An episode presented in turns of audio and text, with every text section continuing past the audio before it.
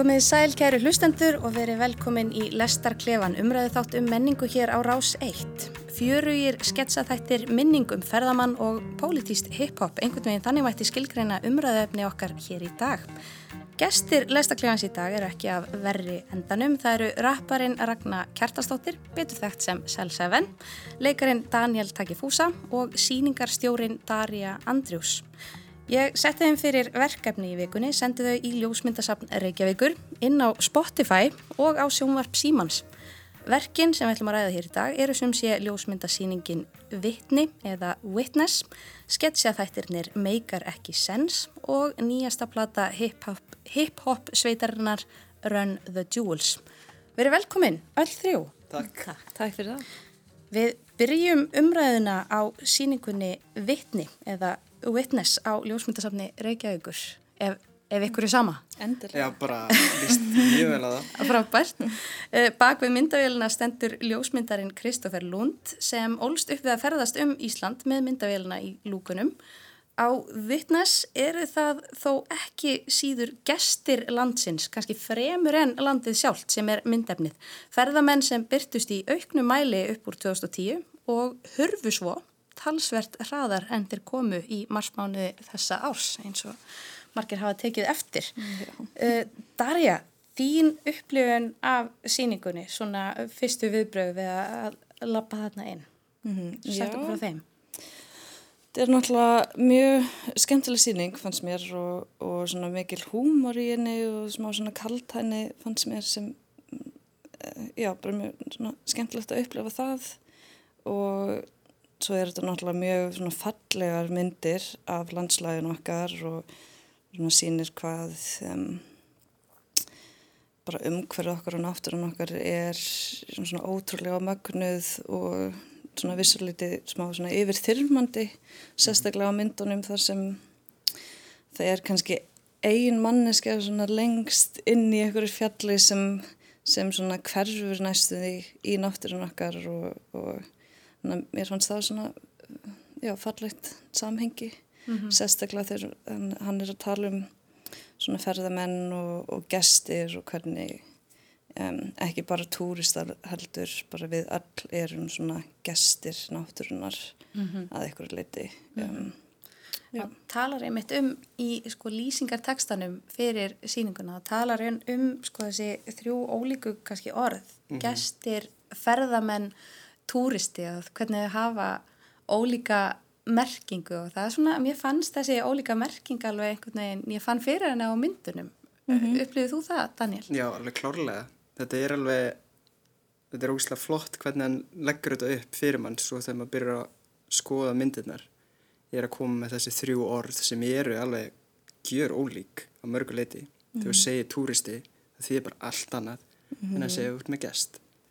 Og maður sér það stundum að hann kannski gefur manni tækifæri á að velja sjálfu hvað manni finnst vera túristu, hvað manni finnst vera gestur í þessum myndum mm -hmm. stundum finnst maður þú veist túristinn eða gesturinn vera hluti af náttúrunni og vera hluti af svona eins og í þessum stóru myndum þegar manni skemmt aldrei mingar svo fær maður að vera með í upplifunum eins og það er myndana af eða tvær það sem uh, eru giftingamindir mm -hmm. sem eiga sér stað, -hmm. þú veist einhverju fallegu landslægi, þú veist, einhvers þeirra söður Íslandi. Mm -hmm. Ferðamenn í alveg í fullum skrúða. Fullum skrúða. Og oft hefur mér fundist það svona smá cheesy þegar ég sé það. En allt í einu í þessari ljósmyndasýningu þá hafði þetta breytt þetta aðeins sjónarhorni mínu á þessu að þetta er aldrei einstakt, þú veist, það er verið að þú veist, þetta er bara mismundi upplifun sem þetta fólk er að eiga í landslæðinu og er að nýta, þú veist, og er að upplega það, þú veist, stert innræð með sér eða eru bara komið til þess að fylgjast með mm. og, og það er svo fyndið að vera hérna en að, vera Íslandingur og vera eitthvað að dæma það mm. veit ég hvað ég veit Já. að eins og ég hafi eitthvað meiri rétt að vera eitthvað dásta þessari náttúru Já, nákvæmlega. sem hann er mitt kemur þessu spurningu í En að því hann í tekstanum segist að, að hann sé svona bæða verða veitni af náttúrun en líka veitni af þessum ferðamennum og, mm -hmm. og túristum sem hann er að mynda um, og mér fannst þar koma svolítið þessi húmor í gegn að um, þegar við sjáum þetta sjónarhorn, að mynda túristar eða ferðamenn, gestir í svona þennan gýr með selfie sticks og pósa í náttúrunni og brúköpum á, á, í reynisfjara mm -hmm. um, hvaða verður nett fáralegt og svona bara fyndið að sjá þetta frá þessu sjónarhorni eins og fólk er að pósa fyrir framann með eitthvað svona leikstjörnu eða í Disneyland eða þetta er svona veist, það er þannig væp finnst mér á þessu myndum mm. og svona hvað það verður já bara svolítið förðurlegt að sjá fólk haga sér þannig í náttúru. Já, já. þar kemur þessi húmor sem við talum mm. -hmm. það var alveg nokkra myndi sem voru alveg bara fyrir að finnar. Já, líka, líka þetta er þetta eru mikið eða svona allavega margir af þessum stöðum þetta eru myndir sem maður hefur séð svo oft Mm. kannski út af túrismann á Íslandi svona efni, svona Instagram myndir sem maður hefur séð miljón sinnum. En kannski þegar að fólk fer á þessa staði sem við höfum séð svo oft, þá eru allir að berjast við að ná myndinni án þess að hafa túristan inn á henni. Mm -hmm. þessi hérna tvö þau segja að þetta hafi verið svolítið fyndið, Ragnar hvernig upplifið þú síninguna? Já, mér fannst þú sjúklega fyndin. Það var bara ótrúlega skemmtilegt. Þú veist, hann er að taka mynd af mannesku sem er að taka mynd af mannesku sem er að taka mynd af mannesku og sjálfur sér. Þú veist, þannig að taka mynd, að taka mynd, að taka mynd, að taka mynd skilur og hann er útlægt sniður og það er strax áhugavert hvernig hann dregur okkur inn í þetta á sniðugan hátt þú veist þetta er eitthvað Magnar Sturlaberg en þarna er eitthvað eitur gul gulur vindjakki mm. sem þú veist bara hvað, hvað er að gerast en samt er hann inn á milli að flexa rosalega mikið hversu klára hann er og þá sjáum við þessa svo þetta er ég að tala um bara þessa mögnuðu íslensku típisku landslagsmyndir sem er geggjað en hann er að draga okkur inn á annan hátt skilu hann að það er eitthvað annar vingill á því sem hann er sín okkur mm -hmm. og þú veist líka með brúköpsmyndirnar ég tók eftir líka því ég er svo sem er líka að horfa túristana sem er að horfa landslægið að mér fannst áhugavert þegar ég horfa giftingamyndirnar að þarna var hún bara í giftingakjólunum og séðan var hún í fjallgangu sko mm. og hún, hún var í sandi hún vildi ekki óringa þá sko en samt einhver meginn á yfirborðinu er kameran öruglega ofarlega skilur og mm -hmm. tekur ekki það og sömulegis með alla hinn að myndinar hafa svona einhver megin það að vera stillingur upp fyrir okkur en hann er að sína okkur sumið út myndina skilur við mm -hmm. þannig að mér fannst að vera ógislega sniður og svo er hann alltaf líka með þannig að bara herbyggi með einhverju svona típisku hérna, píanoverki og þar er hann með bara svona best af verkanum sínum mm. sem hann veit alveg að við höfum alveg séð eitthvað af en hann svona lætur síninguna vera sniðuðari en það. En ef þú vilt sjá þetta því ég get þetta og ég gera það úrslega vel þá er hérna herbyggið sem þú getur farið inn í 100% Mm -hmm. Já þannig að það verður aðeins, aðeins svona stærra og meira heldur en já, innan gæsalappa bara myndir af túristum. En, en það er kannski það áhuga að vera við að er að sömta þessu einmitt líta út eins og bara fréttaljósmyndir svona mm, þessar típisku yeah. fréttaljósmyndir sem að sér þar sem að verða að fjalla um ferðamennsku og túrisma á Íslandi og, og þarna eru tveir túristar að taka af sér sjálfu einhverstar út á landi en síðan erum við með myndir eins og uh, ég held að þessi uppáhaldsmyndi mín er tekin í einmitt einhverju stuðlabergi og svona ofan á og inn í stuðlaberginu þá svona mm. eiginlega inn í svona rifu þá stendur maður eiginlega alveg stífur mm. og snýr baki í myndavélina og, og, og sko þessi upplifun og þetta er einmitt þessi maður getur verið hvað maður sem er en maður ákveður hans í ferðamæður í samhengi við síninguna út af því að hann er í anorak mm. uh, enginnismerki túrismanns á Íslandi. En, en það er eitthvað meira þarna heldur en bara þessi, svona, uh, þessi uppdikta hamingja sem að þú talar um sem að byrtist kannski þegar, að, þegar það er sumað inn uh, þessi upplifun sem þessi maður er að eiga standandi einn stífur inn í Stöðlabergi það er eitthvað, það er eitthvað ótrúlega fallegt þarna sem ég langaði mikið til að koma að svona hva, hvað er þessi mhm. maður að hugsa? En eitt sem að svona kemur kemur líka upp í hugan er um, sko hvernig gestirnir eða túristarnir eða ferðamenni hvað við höfum að kalla það eru að kominga til þess að upplifa náttúruna en líka til þess að upplifa sig í náttúrunni mm -hmm. og það er kannski það sem að myndirnar þú veist þessar endalösu myndatökur okkar ganga út á og við viljum ekki fanga mynd af hinum ferðamönnum í náttúrunni, við viljum ná mynd af okkur hjá Seljalandsfossi og, og það kannski þarna er, ég fór að hugsa svolítið um, um hvernig við svona þessi ríkur sem hefur orðið til milli ferðamennsku og Íslendinga þar sem að kannski er ástæðan fyrir því að, að hérna að, að við viljum síður hafa ferðamannin snýst kannski ekki um náttúruna heldur snýst um okkur að því að þeir hindra okkur í að sjá okkur í náttúrunni. Já.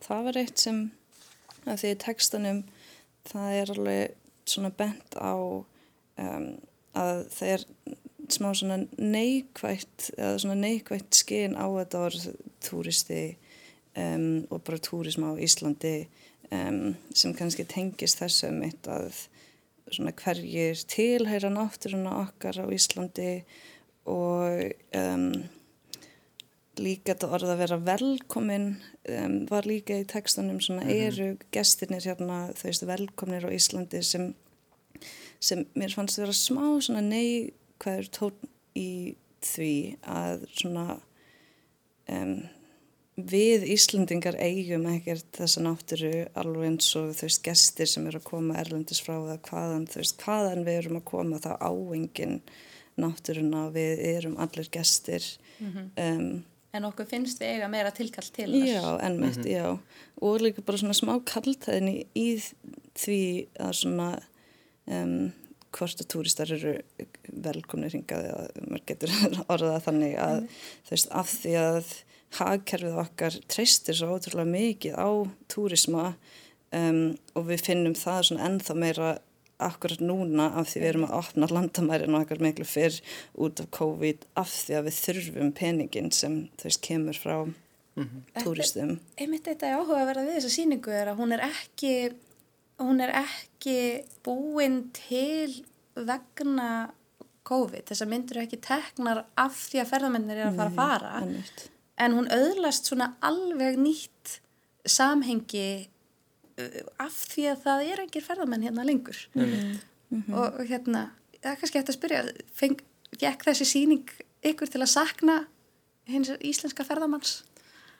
Al, þetta allavega byrja, veist, þetta fær mig allavega til að hugsa öðruvísi um það þú veist, maður verður svo vanur þessu ástandi að það séu alltaf túristar og þú veist, 100% um leið og túristarnir eru farnið þá er maður alltaf hérna að horfa á þetta með öðrum augum og ég í rauninu upplöðiði smá söknuð á að hafa túristaðina með því að sjá að því að mér fannst sumur á þessum myndi sem hann tók fanga svona undrun og, og, og þú veist, fólki er að dásta náttúrunni og það fannst mér svo fallegt, skilur við, þú veist, það er gaman að sjá fólk, þá er þetta orðinni gestir, af því að það er svo gaman að sjá fólk koma til eitthvað sem maður finnst maður eiga og, og upplega á jákvæðan hátt. Þú veist, maður vill að allir túristar sem kom til landsins fari út úr Íslandi og segja öllum frá því hvað Ísland var frábært. Einmitt. Þú veist, allan upplýja það svona einstinni að mér langar alltaf að, þú veist, Þetta er svolítið eins og í hvaða kvikmynd er það aftur sem að byrja á því að í öllum brúðkaupum að þá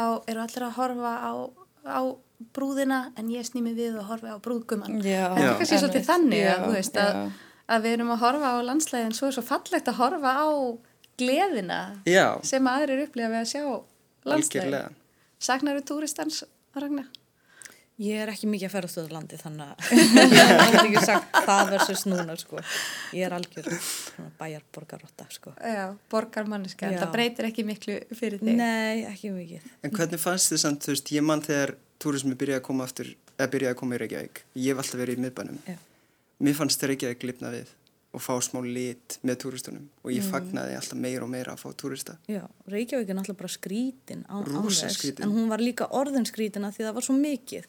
Og þú sér það að tónlistastöð, þú veist, tónleikastæðir voru að loka út af því að þau voru að opna fleiri hótel og fleiri, þú veist, þetta er ennþá í gangi einhver megin og nú eru þau bara að loka út af því að fólk eru ekki í fjármagn. En þú veist, samt, bara hvar eiga tónleikarnir að vera, hvar á tónlistafólki að spila, þú veist, þetta er allt að loka og þú veist, þannig að það er ekki búin að opnast einhver megin vettfangur fyrir að bæta það.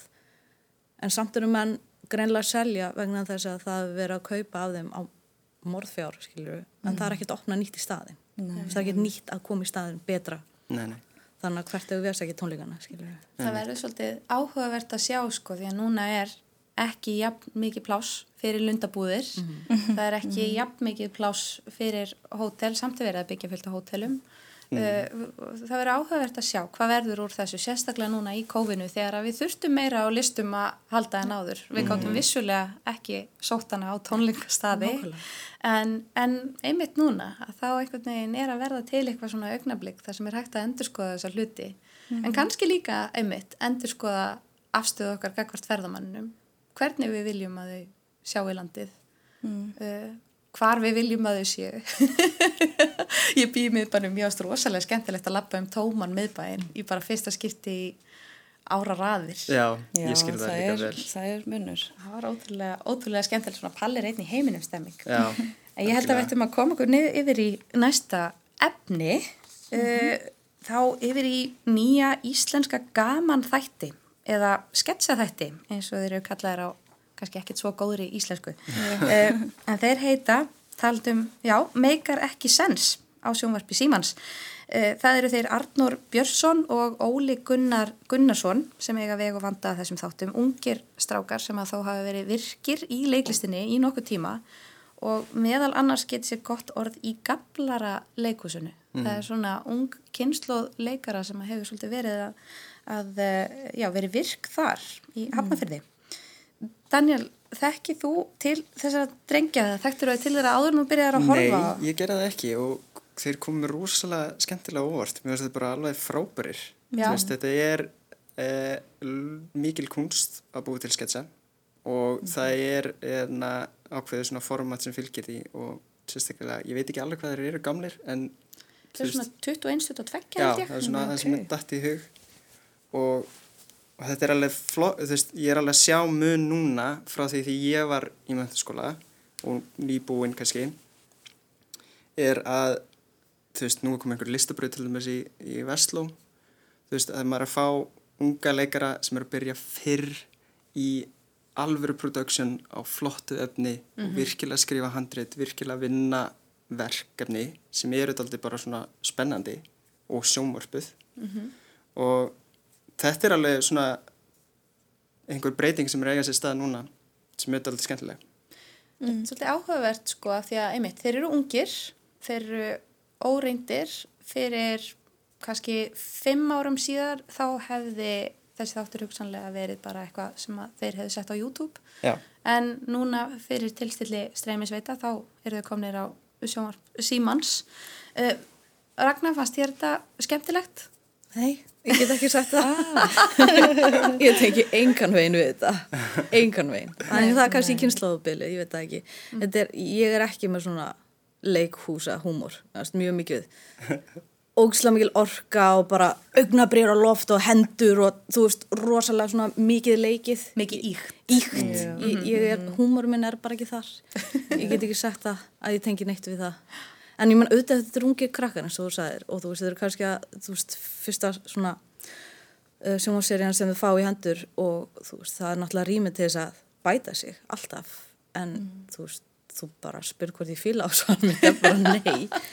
En þú veist, eins og Við kunum að meta heiðarleika. ég bara, ég nenni ekki neina öðru sko. En, þú veist, þú er með þátt tvö og það er svona pínu þú veist, þeir eru náttúrulega klála út um allt og vera sniður svona, en í þætti nummið tvö stakk mér strax svona þeir eru að taka svona stereotypur.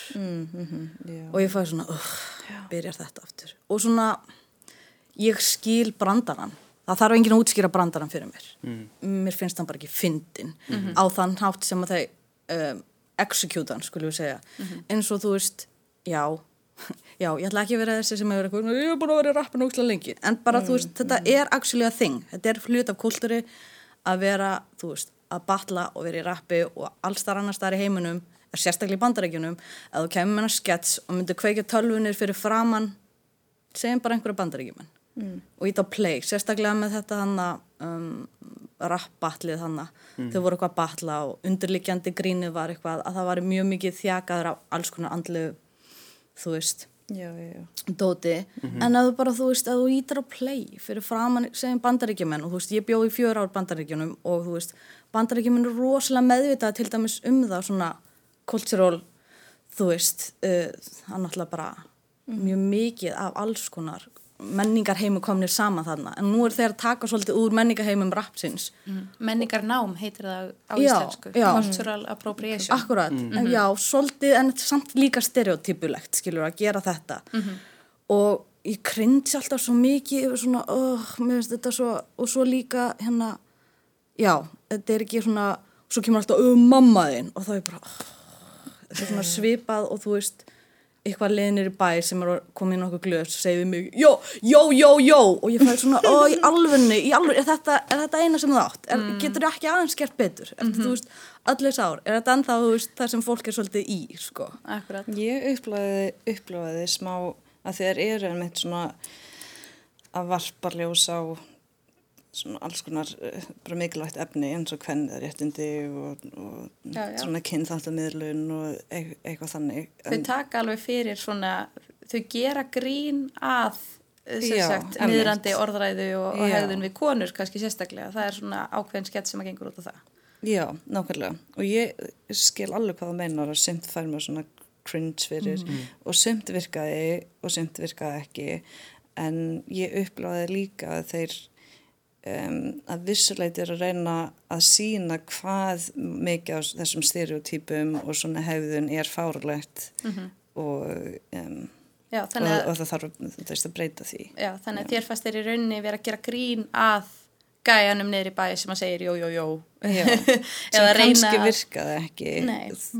En, Það er nefnilega svolítið, þetta er svolítið mín upplifun sko að hérna að það voru sumt sem að virkaði ekki, ekki neitt. Uh, en margt sem að bara var, virkaði fyrir mig sko það kom mér á óvart. Ég var alveg tilbúin að hata þetta. já, ég líka.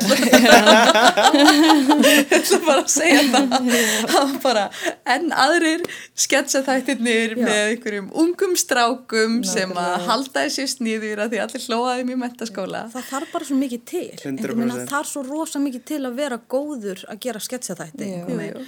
án þess að þú veist vera svo ó- of kjánalegur, of þetta, of því þú þarfst akkurat að hitta á einhvern svona algjöran svona millipunkt sem að allir eru sammálum þetta er frábært, þú veist bara Eitt sem er alltaf vantað á Íslandi með þetta líka er fjölbreyti leiki í mm, sagt, uh, presentation of humor. Já, og eins og segir, þú veist ég, ég var líka með svona algjörlega fórtum að árin ég byrja að horfa og ég var eitthvað, já já þetta er bara að fara að vera alveg svo ég var þegar ég var 21 og nýkomur úr Vestlóm bara tilbúin að reyta fram einhverjum bröndurum sem kannski verða ekki alveg PC eða eitthvað skilur sem betur fyrir það var þetta alveg frekar PC fannst mér. Og, hérna, og þeir voru ekki þú veist, ég mann það var húmor sem, þú veist, ég var í 12.0 á sín tíma og það, það er bara fullt af stöfju sem við bara tekið af netinu sem er bara ekki í lagi dag.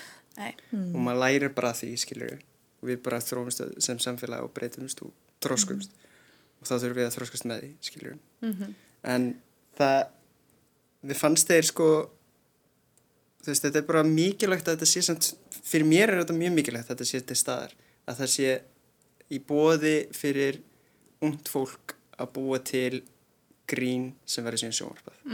Þú veist, Já, það er kannski svona það sem að mér fannst, eins og ég segi, ég var tilbúin að hata þetta. uh, en svo sko, og mér fannst ekki allt virka, mér fannst sumt virka mjög vel og kom mér á óvart, af því að það kom mér á óvart til dæmis sko uppálsgríni mitt í þessu. Það eina sem ég held ég hafi sko skelli leiðað uh, var, það var svona mæm brandari Já, Já, það var sem að svo þegar hann kom aftur í einhverju svona skrítnu mafíuformi og þetta var svo súrt en þetta var samt einhver svona gamall húmor og mér finnst þið vera þetta var allt öðruvísi heldur en svona gríni sem að sér hjá kannski einhver svona sveppa og auða og einhver þetta var eh, einmitt leikúslegra auðvitað. Þetta var mjög þú mjög leikúslegt og það, einhvern veginn, það komi svo ég held að það komi bara svo mikið á óvart að það náðu þráð beint inn á mér og ég bara bara öskraði hlátur, mér fannst það bara svo asnalegt og skemmtilegt, en það kannski er einmitt þessi, kannski, ég, kannski gaf ég þeim líka svolítið afslátt að því ég sá hvað þið voru með mikla tilraunamennsku og hvað þið voru að reyna og þeir eru að prófa og þeir eru að þróa sig áfram. Og það er svolítið, þeir lístu þessu ég talaði, uh, talaði aðeins við hann Arnór hérna um daginn og var að spyrja hann aðeins út í hérna, út í svona ákveðna, uh, ákveðna svona klippivinnu og hljóðmynd og eitthvað. Og hérna þá saði hann að þetta hefði verið bara svona rosalega mikil svona górilu kvikmyndagerð algjörlega og maður sér mér. það svolítið Já. Já. þetta er gert með engum pening engum tíma og, og, bara, og bara drifið af einhvern veginn en það þýðir ekki að það með ekki gaggrina Ég líka vil bara segja eitt, það er sko ógeðslega erfitt að gera svona sketsa þetta. Það Mhm. kemur sko fáranlega mikið á óvart hvað þetta er rosalega mikil vinna og gert á stöðum tíma. Já. Þannig að Ég er náttúrulega þekki svona- mér lítið til hann skets heim og kannski fyrir utan bara að horfa á sketsþætti í bandaríkunum meira.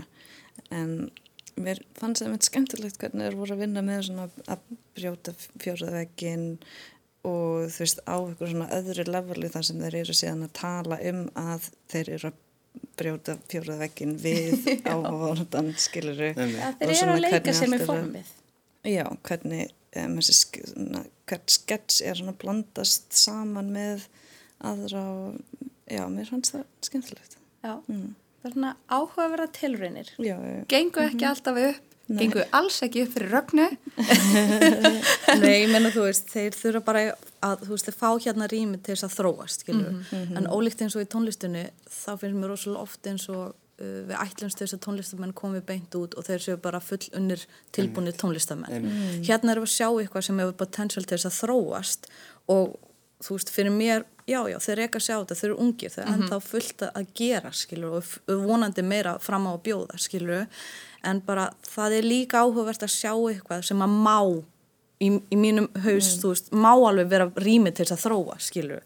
Ég ætlaðist ekki til þess að þeir kom inn og eru bara í samkjafni við tvíhöfða sem var bara eitthvað epist hérna, eða þú veist, já, fósbræður segi ég, til dæmis, þú veist, það er ekkert, standardin er ekkert þar fyrir svona ungt lið sem eru að koma með sína sketsa þætti, skilur. Þannig að vonandi þá bara er þetta eitthvað, byrjunum einhver sem áttur að þróast betur. Akkurat.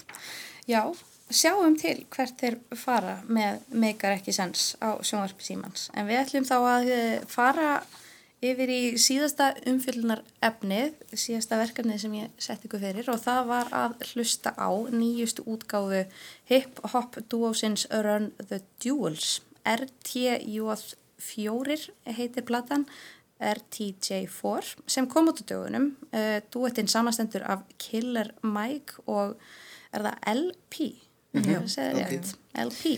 Platan kom út tveimur dögum fyrir áætlaðan útgáðu dag að einhverju leiti sökum þess ástands sem nú ríkir í bandaríkunum í kjölfar morðsins á George Floyd.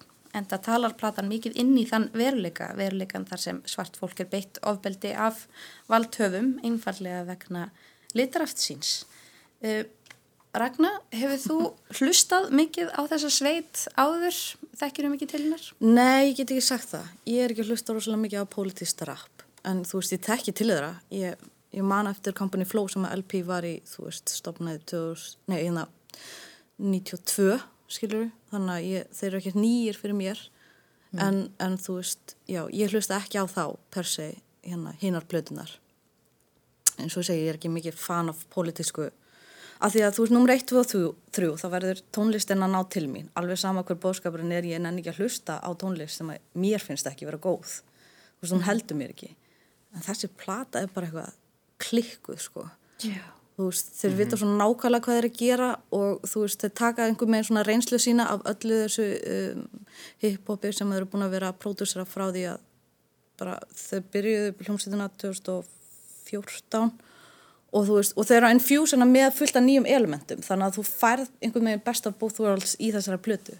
Og mér finnst það svo geggja að því að þú veist, það er svo auðvelt að vera staðnaður, það er svo auðvelt að vera irrelevant og bla bla bla, þú veist. En þeir akkurat ná núna á úslega góðum tímapunkti að vera relevant. Og það er úslega margt í þessu sem að þú heldur kannski að hann segja einmitt að semja þú veist um þessi atvik uh, hérna Floyd George Floyd. George Floyd og, og þú veist, í raun og veru eru þeir búin að semja löngu á undan því atviki. Þannig að þau eru að raffa í, þú veist, 2014 held ég, atvik. Um, þar sem að hann hétt Eric Erik Garner. Garner. Ég get lesið hennan texta, ég Já, með hann hérna fyrir fram endilega. mig. You so numb, you watch the cops choke out a man like me until my voice goes from a shriek to whisper I can't breathe and you sit there in the house on couch and watch it on TV og þetta er að lagið Walking in the Snow og tekstin fjallar um Erik Garner uh, hvers frægustu loka orð voru uh, I can't breathe, ég get ekki andað.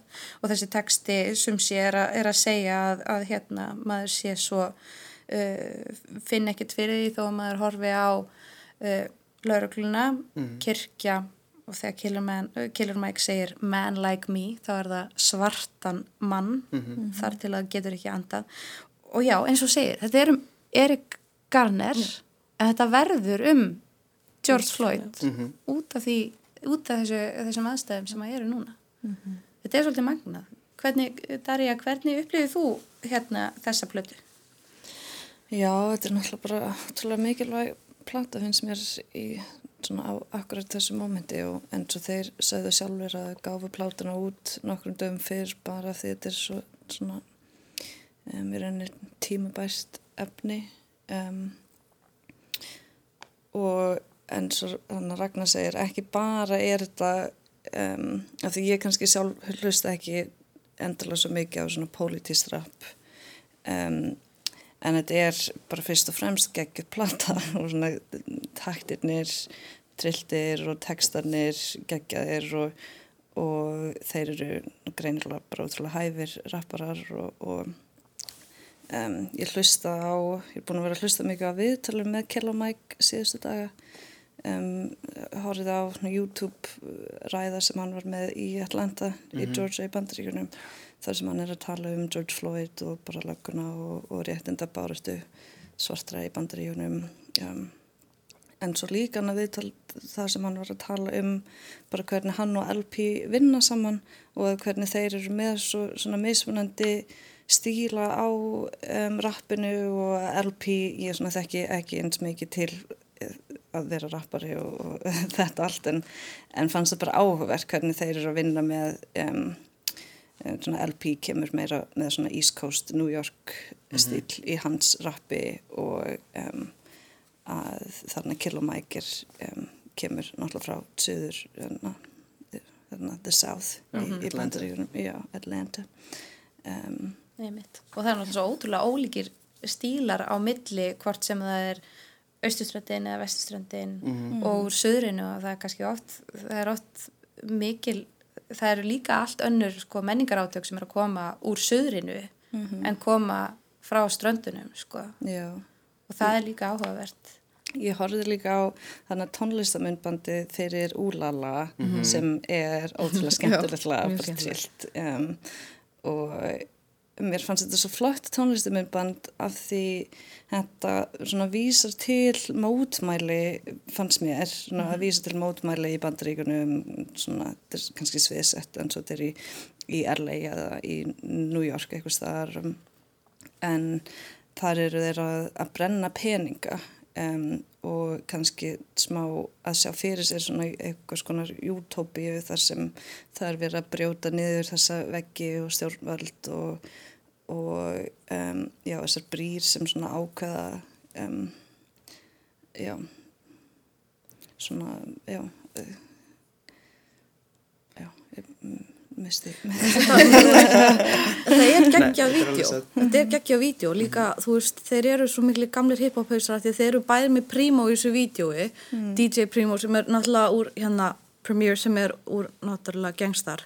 Og svo er líka með Craig Nice sem er bara, þú veist, þeir eru svo líka mikið svona paying homage af gamlu hip-hopi og eru ógeðslega mikið svona plötu að droppa mikið af bara svona quotes í gömul hip-hop lög. En þeir eru líka bara, þeir, þú veist, auðvitað kunna þeir þetta. Þeir eru bara svo ógeðslega flinki hvernig þú veist, þeir taka sko skrilján bör saman, bara rappa alveg bara í einni lúti en þeir leiðist aldrei, mm að þeir skiptast á og tæknin er öðruvísi frá, á milli manna og einhver megin og LP er svo mikið að pródúsera sjálfur. Þannig að, að hann skilur alveg hvernig Það er að stjórna flæðinu. já, nákvæmlega. Og, og, læ, og lögin, þú veist, tónlistin undir þú veist, mér finnst þetta bara geggjöfla, hún koma óvart sko, Já. virkilega. Daniel, ertu mikill hip-hop haus? Mjög svo og mitt er, uh, ég myndi segja, svona mjög early 90s New York hip-hop er bara my bread and butter. það sem ég elska mest, sko. Þannig að LP er alveg einhvers sem ég hlustaði mikið á og, í rauninni Killer Mike líka en ég er svo samlegaður að því leiti að ég, ég til dæmis hlustar voða lítið á politískt rap um, þú veist, og hef gert það núna alla, ég gerði það kannski svona fyrst en svo núna hef ég mistað áhuga á því. En vá hvað þessi plata kemur á rétta tíma. Þetta er eiginlega rugglað mér líður eins og þetta sé bara eitthvað svona þú veist, þeir eru bara með eitthvað svona vásýni, þeir bara sjá einhvern veginn bara Hún er svolítið svona kveikja undir þér og kýlaði magan. al, bara algjörlega. Þú og ég meina, þú veist, myndbandið við hana úlala er svo einmitt eins og bara, þetta eru bara óeirðin í bandaríkjunum og þú veist, frelsun frá kapitalisma. Þú veist, með því að brenna peninga. Þetta er svo magna og maður er að horfa á þetta því að, þú veist, þessi það sem er í gangi í bandaríkjunum er náttúrulega rosalega stór hluti til þeir, þeir eru með lag sem fjallar um the 13th amendment. Já, þú veist, þetta snýst rosalega mikið um kapitalisma og á endanum, þú veist, hvað það hefur slæm áhrif á aðra menningahópa í bandaríkunum Einmitt. og þetta er mögnu plata, mér finnst það bara geggið, sko. Samt fæ ég aldrei á tilfinningunum sem að segja sér eitthvað að predika Nei, yfir manni. nei, Svona frekar meira að hvetja mann til aðgerða, frekar heldur en að predika yfir manni. einmitt. Skilju. Og þau eru rosalega, fíla tónlistin er svo mikið svona soundtracki, bara svona undir eitthvað rosalega aggressiv, eitthvað senu í bíómynd, eitthvað svona action senu. Þetta, tónlistin er á svo rosalega oft við eitthvað, ég sé þetta fyrir mig svo mikið svona soundscape eitthvað undir. Þeir eru svona, þeir, eru, þeir hafa, hafa ekki verið að blanda mikið dálítið svona rock og rap saman. Jú. Það er með eitthvað sem ég hef ekkert endilega mikið hlusta á, en, en það bara akkurat núna, það er þetta bara geggja. 100%. Svo er F- Pharrell Will, nei, hérna, hérna Pharrell er með og hérna Saktila Rock. Og það lag er magnað. já. Þegar það sem hann er um að tala um og já, þræla Ertu með kvótið það? Ég, nefnilega ekki, ég var að leita því sko að því að ég var búin að sjá það en, ég en man nei, það. Look at all these slave masters Já, posing on your dollar. já, Og þetta er svo magnuð setning að því að það verður að rífa niður stittur þrælahaldurum þú veist as we speak. As Já. we speak, í þessum bara orðum þessum töluðum orðum. Það er nefnilega, það er sko það er það sem ég velti fyrir mér með þetta sem pólitíst rap. Uh, og, og svona verðist það ekkert eitthvað hlusti mikið á pólitíst rap og ég get kannski ekkert endilega sagt að ég gera það heldur en, en rappið sprettur sko í bandaríkunum var miklu leiti til upp úr pólitík uh, bara þeirri pólitík að svörtu fólki sé haldið niðri. Sprettur þaðan og er kannski í næstu í sama, í sama hvaða formi alveg eins og allt er pólitík og, og þá rapp sérstaklega er á einhvern nátt pólitík. Og hefur verið sko politicized af stjórnvöldum jafnvel sem að hafa reynd að banna það fyrir ákveðin orðaforða og svo framvegis. En það sem ég velti fyrir mér nefnilega því að rappið hefur verið að færast kannski uh, úr þú veist í meira, í meira fjör og í meiri hugmyndir uh, út fyrir pólitíkina uh, og á meðan að það er auðvitað ennþá sterkur grunnur af pólitík. Kannski hefur pólitíkin orðið svolítið mikil sípilja Mhm. af því að það er alltaf sömu vandamálin. Það er alltaf, þú veist, það er alltaf lögurnar að drepa okkur. Uh, þú veist, það eru uh, fíknefninir að drepa okkur. Okkur er haldið niðri. Þannig að þetta, já, það vera sömu vandamálin og þegar það eru komnir í núna nokkrir áratugir af þessum sömu vandamálum og umfyllunarefnum þá kannski hættir maður að heyra þau jafnvel. Og það sem að ég velti fyrir mig með þessa plötu er hvort að við myndum hvort að þessi viðbröð okkar væri jafn sterk ef hún væri ekki að koma út á þessu augnabliki í, veist, þessu augnabliki í bara sögu heimsins, sko. já, 100% Pottþétt. það væri alltaf minna, minni áhrif og þú veist, ég meina einmitt þess að segir, þú veist, það er svo margt í þessu plötu sem verður að segja sem hefur verið sagt miljónsinnum áður. Í, þú veist, allir rappar hafa talað um þú veist, eða mjög margir rappar hafa talað um bara nákvæmlega sömu aðstæðinar, þú veist. Það er einmitt sem þú segir, löggan er að drepa svart fólk bara hægri vinstri, þú veist, það er fólk er haldið niður með s- bara systemastiklu Mér finnst Bara ein rasismi. lína vera svo sterk hjá Killa Mike um, þann sem hann er að tala um um, svona ímynda sér að, að hann er að keira og hann verður stoppur af lögg, löggunni og að hann er svona að reyna að ákvæða hvort að hann um, bara dripur sjálfa sig í staðan fyrir að, að því hann veit að löggan á eftir að, að myrða hann í rauninni. Um, en tal, í, í einu viðtali sem ég horfði á þá er hann líka að tala um hvað við um, erum orðin í rauninni svo svona desensitized, hvað orðið á íslensku er fyrir það.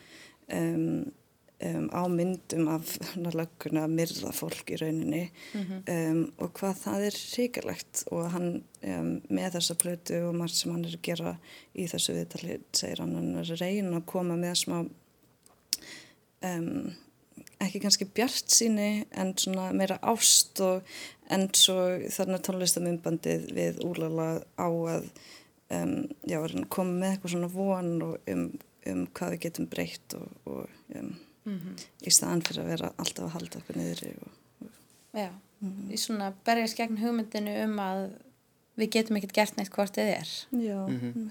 en mér fannst eins og þú veist, þú talar um Kill og Mike, mér fannst svo áhrifaríkt hvað hann var að tala mikið um þú veist, hvað hann er tilbúið að vera að vera svona forsprakki einhverja byltingar og hann hefur fólk á bakvísi og hann getur gert eitthvað mm -hmm. en, þú veist, ég man, man ekki alveg hvaða lag var ég var að hlusta af þá en, en þú veist, hinn pólinn er hann á konu og hann á börn mm og konan hans er hinum meginn við aukslinn á hann og segja hérna, veist, við erum líka hér. Mm þú veist, þú þarf líka að vera fadir og vera maðurinn minn og styðja við börnin þín og þú hefur líka ábyrðir við viljum ekki að þú lendir í fangilsi þó svo þú sér fullkomlega hæfur um að þú veist vera fórsprekkingur af byltingar þannig að hann þarf svona persónlega að gera upp fyrir sjálfan sig finnst mér hvort mm. að hann vil fara þangað af því að hann getur, getur ekki gert bæði mm -hmm. ekki með þetta á bækinu og það, þú veist að þurfa að vera supporter í veist, mhm. fjölskyldu maður -hmm. og allt þetta þannig að þú veist ég held að fannst þess að hann væri sjálfur svolítið að ströggla með það Já, mm -hmm. hvað skref hann ætti að taka barata. en þetta er líka samt svo gott veist, þetta er skref sem hann er að taka þessi plata mm -hmm. veist, þannig að Já, ég las það í einni gaggrinni ég held að það hefði verið á, á Pitchfork þar sem að töluðu um að, sko, að þessi plata væri öðruvísi en síðasta plata sem ég held að sé alveg fjögur ár síðan að þeir gafu út uh, og síni meiri þroska mm. síni meiri svona um Já, þau tiltöku nú bara að það væru færi tippabrandarar í þessum textum. Þau eru mjög svona animated svona, svona teiknumynda leir í, í svona rímónu sínum og rappinu. Og, og já, tippaleir, hóða mikið. En þeir eru samt nýtt. Hérna, já, algjörlega. Hérna fáðu kannski aðeins meira einbæða sér, þú veist, aðeins meira guidelines í þessa blötu. En það kannski einmitt sýnir sér að þetta er bara stefnan sem er búin að vera núna í smá tíma og þetta er sprengjan sem er búin að vera á leiðinni að springa. Mm -hmm. veist, þetta leiðir allt á þetta. Þetta augnablík mm -hmm. þetta augnablík, mm -hmm. það var að fræst gerast og fann það bara. Þeir fundið það greinlega mhm. þess vegna verður þetta svona rosalega beitt í þessari plötu. Mhm. hvað þeir eru bara veist, þeir eru nánast að tala eins og politíkasar stundum í plötu já, já, já, algjörlega mm -hmm. fyllilega, en það er hérna en það er sko þannig að nú erum við búin að tala svolítið mikið um textan, þú varst að tala eins um tónlistina áðan Ragnar og ég, ég hún kom mér á óvart Já. sko mm -hmm. að því að mér veist tónlistin sko hún undirstryka bóðskapin ótrúlega stert mm. hún er eins og þú segir svona cinematísk Já hún er eins og hún sé og enda er þetta saga þarna í gegn, eh, ef ég, ef ég skil þessa plötu rétt þá eru þau þarna á einhvers konar flóta í gegnum plötuna uh, frá lauruglunni og, mm -hmm. og enda, endar mm. platan á læginu A Few Words uh, for the Firing Squad örfa orð til aftöku sveitarinnar eins og Davíð Róðs uh, tónlistagagrindi þýttiða og, og ég held að sko og mér finnst tónlistin sjálf hún einhvern veginn, hún, mér fannst hún vera svo ný, mér fannst hún vera svo fersk, fersk. Mm. -hmm.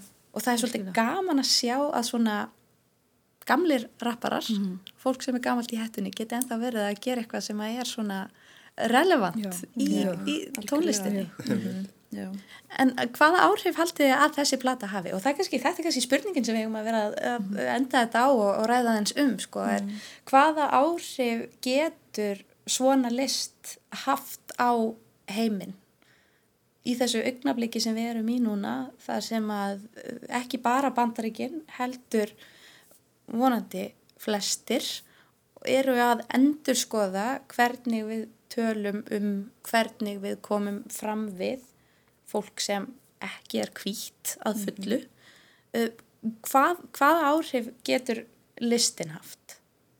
Já, það er náttúrulega erfið spurning en ég held með þessa plötu það sem eitt sem er mjög mikilvægt í henni er að um, þetta er svo relevant núna út af bara öllu sem eru að gerast í bandaríkunum og George Floyd og allt það en eins og við vitum að þá er þetta efni í plötunni ekki um það sem er að gerast akkur núna, það er um það sem er búið að vera að gerast bara þaust síðustu nokkur hundruð ár mm -hmm. um, en ég held út frá þessu, þessa plötu bara eins og þú veist við erum að tala um þessa plötu núna mm -hmm. og tala um hvernig það tengist við bara umræðina um, um fjölmenningu og, og þjóðar ímynd og allt þetta um, og í rauninu allt sem vinnur til að bæta umræðu og fá fólk til að hugsa um hvernig við getum breytt okkur hugafær það er alltaf jákvægt og um, og líka bara benda á allt, all þessi svona kerfispundin hegðun, ekki bara í, í bandaríkjunum en með svona um, þræla um, meistara í bandaríkjunum og, mm -hmm. og um, að sína okkur hversu djúft þetta er bundið í kerfið okkar þú veist, þetta er bara að segla og. Ég held að, að tónlist er svo einstakta að það hefur svona alveg beina tengingu inn í tilfingarnar okkar Já. Miklu meira en mörg önnur list eða þú veist, það er svona aðgengilegra fyrir flesta. Og núna eru bara, þú veist ég meina ég uppliða sjálfur bara það er tilfinningar út um allt. Maður er svo reyður, maður er sár, maður veit ekki hvað maður gera.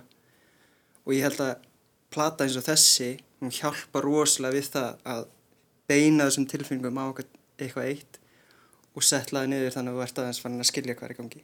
Mm -hmm. veist, að, að þetta verður svo mikið óreða mm -hmm. og það er svo gaman að sjá þessi myndbönd af veist, fólki að mótmæla og það verður að spila túbak í bakgrunni mm -hmm. og það er bara, maður sé bara stemmingin og samininguna sem á sér stað og hvað fólk einhvern veginn það verður enginn tókstrít á millirað það er allir saman með mm. sama verkefni og tónlistin er alveg geggið í þetta mm -hmm. þú veist, hún heldur okkur saman þú veist, við elskum að hlusta þú veist, það er alveg ástæði fyrir því að, að það eru, þú veist, 200.000 mann sem fara á tónleika til þess að sjá eitthvað tónlistamann mm. og þú veist, allir eru í sama gýr, sko. Svona svo ég sá frétt um daginn um mótmæli í Óglandi, Kaliforníu, þar mm. sem ég ólst upp. Og Um, á þessu mótmæli að þá var fólk, um, þetta var bara orðið svona dansparti, bara svona hip-hop dansparti um, sem er ennmett svona þetta sem þú varst að, að útskjara hvernig tónlistin er svo tengt tilfinningun okkar og, og mér fannst það svo fallegt að taka eitthvað sem þar sem er svo mikil reyði og sorg en á saman tíma að gera eitthvað, búa til eitthvað fallegt úr því mm -hmm. með tónlist. Ennmett. Mm -hmm bara fólk, já, ég er alveg samanlega söllu bara, þetta er rosalega góður saminningapunktur, tónlistin sem þetta reyður okkur alls saman einhvern veginn. Og það búið að vera, mér finnst búið að vera langt síðan það kom einhverju rapparar út með eitthvað actually sem að skiptir máli. Mm. og þú veist, eins og segja Tupac, ég meina hvað langt síðan það var? Og svo komur Run the Jewels 2020 og það svo minnum hann svo mikið á hvaðan rapp kom til hvers rapp var til þess að byrja með. Við erum mm. orðin svo ótrúlega mm. þynd af einhverju ruggli sem skiptir engu máli. Alkjörlega. og þarna koma þeir og svona kveiki öllu. Mm -hmm. þannig að platan verður í rauninu rosalega mikið bara svona þemalag þessara byltingar og vitundavakningar mm -hmm. þema plata þess. Mm -hmm. og, veist, og ég vona að fleiri hlusta á hana og bara setja hana blast sko, mm. því að það þess þarf. Hip-hop er ansbyrnu hreyfing Já, nákvæmlega. Ansbyrnu hreyfing, gagvert kerfinu gagvert, þú veist, þessari systematísku bara eðna kúun mm. þetta er bara kúun mm -hmm. og ekkert annað -hmm. og þú veist þannig að þetta er einmitt þetta er, við, við erum að fara heilan ring núna Já. og koma aftur á byrjunarrið Það er kannski áhugavert í þessu líka hvernig einmitt lægið um Erik Garner sem að varð að læginu um George Floyd mm -hmm. hættan er svo að þetta lag verði einhvern veginn um einhvern annan yeah. mann um þriðja mann. Við erum, veist, við erum að hlusta á, á Tupac ennþá og það er að því að það sem hann hefur að segja er ennþá uh, gild, það gildir ennþá inn í okkar samfélag og auðvitað gerir er það eitthvað sem að mikið af góðri list gerir, hún er tímalauðs mm. en kannski er eitthvað af rapptónlist tímalauðst af raungum ástæðum. Mm. Já, já að sagan endur tökir sig endalist ég er svo jákvæður, ég held að það verði einhverja massífa breytingar Við erum búin að sjá það, við erum að sjá bæði sko á menningarlegu eh, hérna, stíi að þá er verið að taka kvikmyndir af streymisveitum og mm -hmm. þætti sem að sína um, fólk, hvítt fólk mála svart. Það eru einhverja litla breytingar í gangi.